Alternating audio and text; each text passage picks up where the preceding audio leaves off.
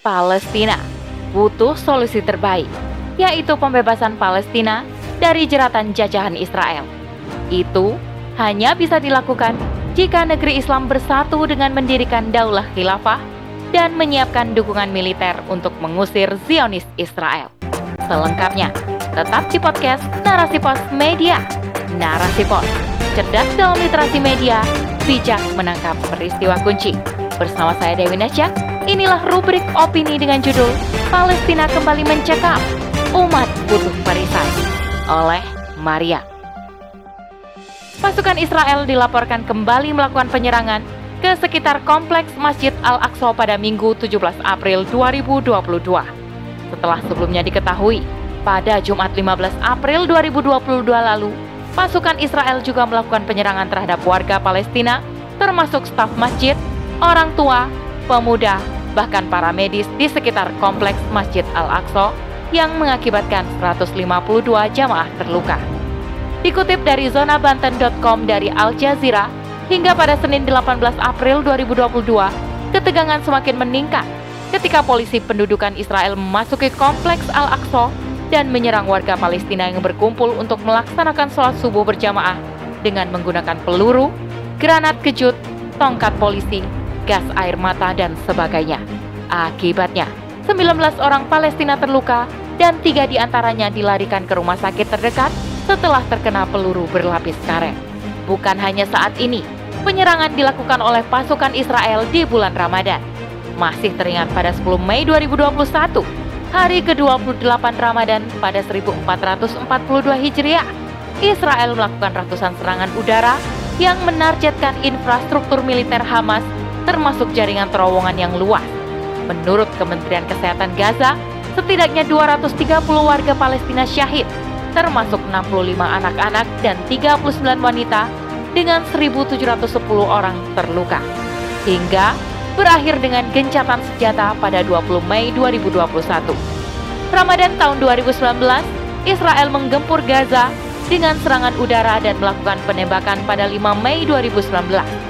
Dilansir Arab News, pada 6 Mei 2019, sedikitnya ada 20 warga Palestina meninggal dunia, termasuk dua wanita hamil dan dua bayi serta Komandan Hamas Hamed Ahmed Al-Qodari.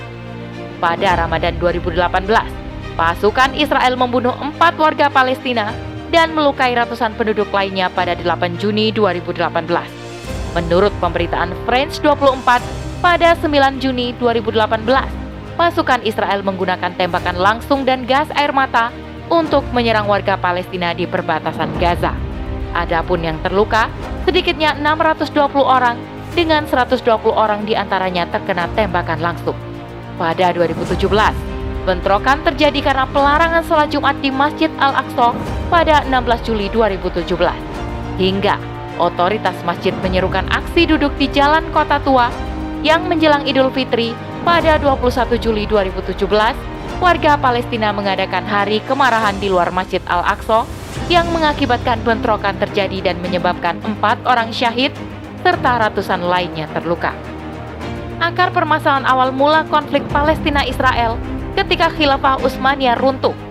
Inggris segera mendirikan rumah nasional bagi minoritas Yahudi di Palestina.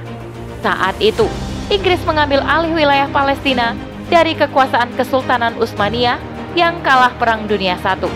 Warga Yahudi terus-menerus melakukan migrasi ke wilayah Palestina antara tahun 1920 hingga 1940-an. Sementara itu, kekerasan terjadi antara Yahudi dan Arab yang meningkat hingga masuk dalam Perserikatan Bangsa-Bangsa atau PBB yang memilih solusi untuk membagi wilayah Palestina menjadi dua, untuk bangsa Yahudi dan Muslim Palestina pada 1947. Namun, sampai saat ini, pembagian itu tidak pernah diterapkan Yahudi terus mengusir penduduk asli Palestina.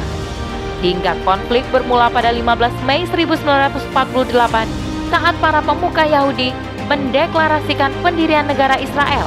Hal ini pun memicu penolakan bangsa Palestina hingga perang pun tidak terelakkan. Dalam perang Al-Nakba yang diartikan sebagai malapetaka, ratusan ribu warga Palestina berhasil melarikan diri dan meninggalkan rumah mereka. Hingga ratusan ribu orang Palestina tidak diizinkan kembali ke rumah dengan alasan akan membebani dan mengancam keberadaan negara Israel sebagai negara bangsa Yahudi yang berkuasa di sana. Perundingan damai antara kedua belah pihak kerap tertahan. Gencatan senjata yang dilakukan sering sekali dilanggar. Selama 50 tahun terakhir, ada lebih dari 600 ribu warga Yahudi membangun pemukiman di sepanjang wilayah-wilayah Palestina. Konflik yang terjadi antara Palestina Israel ini membuat dunia muslim bersuara dan mengecam tindakan tersebut, termasuk pemerintah Indonesia yang mengecam aksi kekerasan bersenjata aparat keamanan Israel terhadap warga Palestina yang disampaikan oleh Kementerian Luar Negeri RI dalam akun Twitter resmi pada 16 April 2022. Tindakan kekerasan terhadap warga sipil tersebut tidak dapat dibenarkan dan harus segera dihentikan, apalagi dilakukan di tempat ibadah Masjidil Al-Aqsa di bulan suci. Kecaman serupa dilontarkan oleh Ketua Majelis Syari Syarikat Islam yang menilai umat Islam di seluruh dunia harus berani melawan kebengisan tentara Zionis atas masjid suci ketiga bagi umat muslim. Karena itu, jangan dibiarkan kebrutalan Israel berlanjut terus. Saatnya dunia Islam bersatu menghadapi mereka dengan memboikot seluruh produk Israel dengan negara pendukungnya. Bukan hanya Indonesia, bahkan negara Iran pun mengutuk serangan kepolisian Israel ke Masjid Al-Aqsa di Yerusalem pada Jumat 15 April 2022. Sikap tegas mengecam keras tersebut disampaikan Menteri Luar Negeri Iran Hussein Amir Abdul Hayyan. Menurutnya, serangan kepolisian Israel kepada kaum muslim Palestina akan memicu konflik baru dengan negara Arab Islam. Tindakan rezim Zionis yang menyerang jemaah dan menodai Masjid Al-Aqsa adalah tindakan negatif setelah normalisasi hubungan beberapa negara Arab Islam dengan rezim palsu Israel. Sayang, kecaman itu hanya sebuah omong kosong belaka yang disampaikan di atas kursi kekuasaannya tanpa ingin melakukan tindakan apa-apa. Diamnya negeri-negeri Muslim justru menunjukkan kelemahan dan membiarkan orang-orang Palestina terus dalam penderitaan. Solusi yang ditawarkan selalu saja mengharap para selalu saja mengharap pada Perserikatan Bangsa-Bangsa atau PBB yang nyaris tidak ada pengaruh apa-apa. Ketua Umum PP Muhammadiyah Haidar Nasir menilai bahwa Perserikatan Bangsa-Bangsa maupun negara adidaya nyaris bungkam jika menyangkut serangan Israel. Bahkan, lembaga-lembaga dan para aktivis hak asasi manusia di seluruh dunia pun mendadak bisu.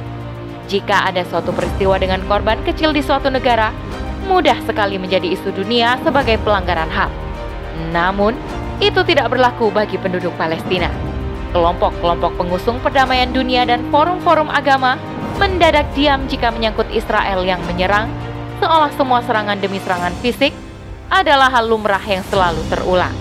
Haidar merasakan betapa berat penderitaan rakyat Palestina sejak tahun 1948. Selain terus-menerus kehilangan tanah air yang sah, mereka terus diganggu, diserang, ditembaki, diteror, dan diagresi secara fisik sepanjang hidup. Inilah ironi tragis dunia global saat ini. Negara-negara pengusung kebebasan hak asasi tidak dapat berbuat apa-apa. Dunia bungkam dan lupa dengan banyaknya manusia yang menjadi korban karena serangan brutal Israel yang jelas tidak berperi kemanusiaan. Solusi normalisasi hubungan diplomatik yang dilakukan negeri-negeri muslim bersama para penjajah barat membuat para pemimpin dunia Islam tidak berkutik bak sembunyi di balik ketiak para kapitalis. Maka tidak heran jika kaum muslim di berbagai dunia saat ini semakin dirundung tanpa adanya bantuan serta ketegasan dari pemimpin dunia Islam. Dan yang mereka bisa lakukan hanya sebuah kecaman. Inilah cacatnya sistem demokrasi kapitalisme. Tidak mampu melindungi umat Islam dari kekejaman jajahan barat. Belum lagi adanya sekat-sekat nasionalisme yang menjadikan umat Islam tercerai-berai. Paham ini pula yang menjadikan pemimpin muslim enggan untuk bertindak tegas terhadap musuh-musuh Islam. Oleh karena itu, perlu adanya khilafah yang menjadi benteng bagi umat Islam dalam melindungi kehormatan dan kemuliaan kaum muslim. Khilafah tidak akan membiarkan setetes darah kaum muslim ditumpahkan oleh musuh-musuh Islam. Saat inilah perlu dibutuhkan figur seorang pemimpin yang tegas melawan musuh-musuh Islam, bukan pemimpin yang hanya berani melakukan gerak sambal berkoar-koar di bawah naungan kapitalis. Pemimpin yang diharapkan umat adalah yang mampu melawan, membela, dan melindungi umat Islam dari segala bentuk jajahan yang sampai menghilangkan nyawa. Sebagaimana Allah berfirman dalam Quran Surah Al-An'am ayat 153, Dan sungguh inilah jalanku yang lurus, maka ikutilah. Jangan kamu ikuti jalan-jalan yang lain yang akan mencerai beraikan kamu dari jalannya. Demikianlah dia memerintahkan kepadamu agar kamu bertakwa. Solusi untuk mengakhiri penjajahan Israel atas Palestina hanyalah jihad, karena Israel tidak pernah mengenal bahasa perdamaian. Perlu sebuah kekuatan politik yang menyatukan negeri-negeri Islam untuk melawan penjajahan Israel. Persoalan Palestina ini adalah urusan seluruh umat Islam sedunia, bukan hanya urusan penduduk Palestina saja.